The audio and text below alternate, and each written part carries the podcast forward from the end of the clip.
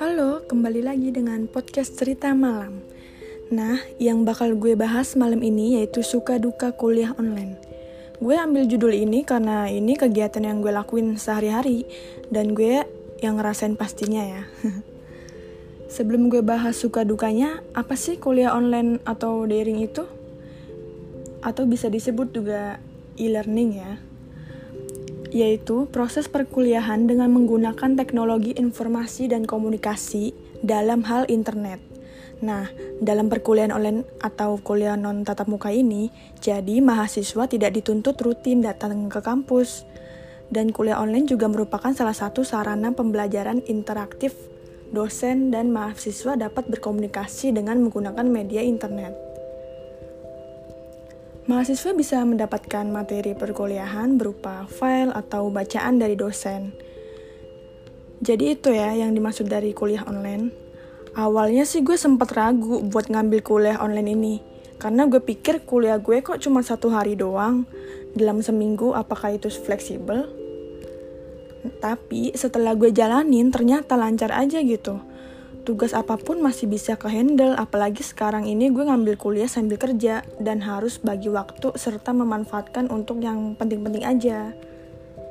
Jadi emang bener lah kata pepatah waktu adalah uang. Hargai waktu kalian karena waktu tidak bisa terulang lagi ya kan? Ya tapi tetap aja ya gue juga pernah berada di masa sulit betapa sulitnya ngatur waktu gue buat kuliah kerja dan pastinya harus ada refreshing kan. Kita juga butuh jalan-jalan dong setelah otak kita diputar di tempat kerja dan untuk kuliah.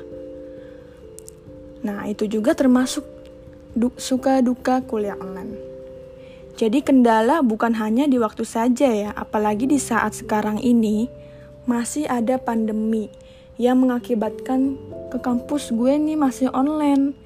Ya, semua kampus juga pastinya online tapi ada beberapa juga yang udah offline. Jadi waktu mengerjakan tugas pun masih ada waktu luang. Kendala yang sering gue alami itu sih menurut gue waktu sering zoom ataupun gimit ya. Karena mempengaruhi, mempengaruhi sinyal. Apalagi teman-teman yang ada di kampung pasti selalu ada aja kendalanya. Nah, ini gue punya cerita sedikit yang pernah gue alamin waktu presentasi lewat Gimit.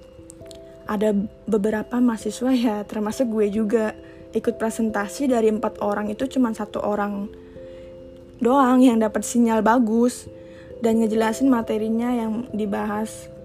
Yang lain nggak bisa karena terkendala sama sinyal dan temen gue yang jelasin dong akhirnya. Presentasi pun nggak berjalan lancar dan kena omel lah sama dosen tapi emang emang posisi saat itu emang bener-bener sinyal nggak mendukung. Tapi setelah dicek memang gangguan sistem kuliahnya sedang maintenance. Jadi dosen gue pun memaklumi lah. Bisa dilanjut besok.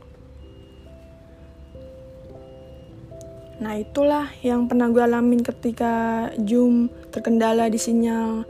Dan juga kendala ketika membuat kelompok terkadang ada teman-teman juga yang suka nggak aktif kalau dikabarin. Entah ngilang ke mana setelah dibuat kelompok. Apalagi belum pernah ketemu jadi susah aja gitu.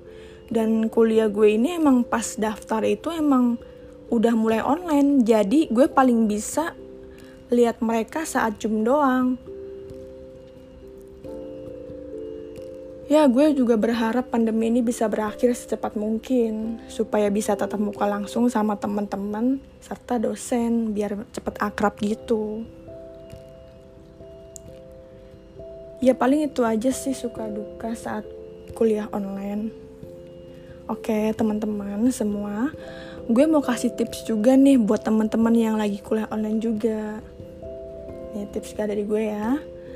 Susun jadwal kuliah secara rapi Mulailah kuliah online memang harus butuh waktu untuk menyesuaikan diri sama metode metode pembelajarannya.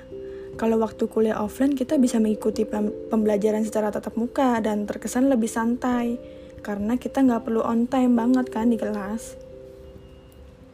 Tapi beda dengan kuliah online. Saat kuliah online kita harus menyusun jadwal kuliah secara rapi dan teratur.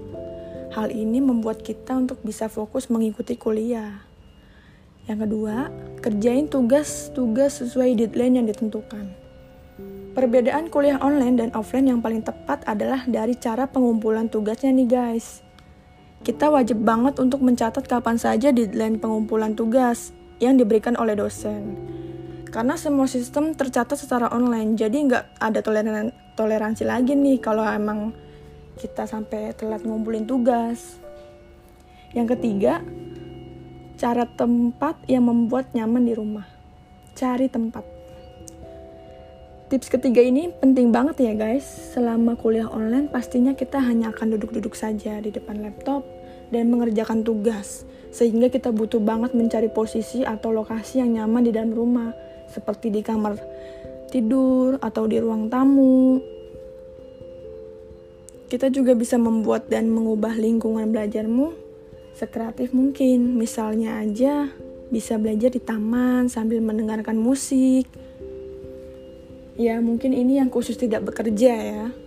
Kita yang bekerja ya ada kesibukan lain pastinya. Yang keempat, ada catat hal-hal penting yang selama perkuliahan.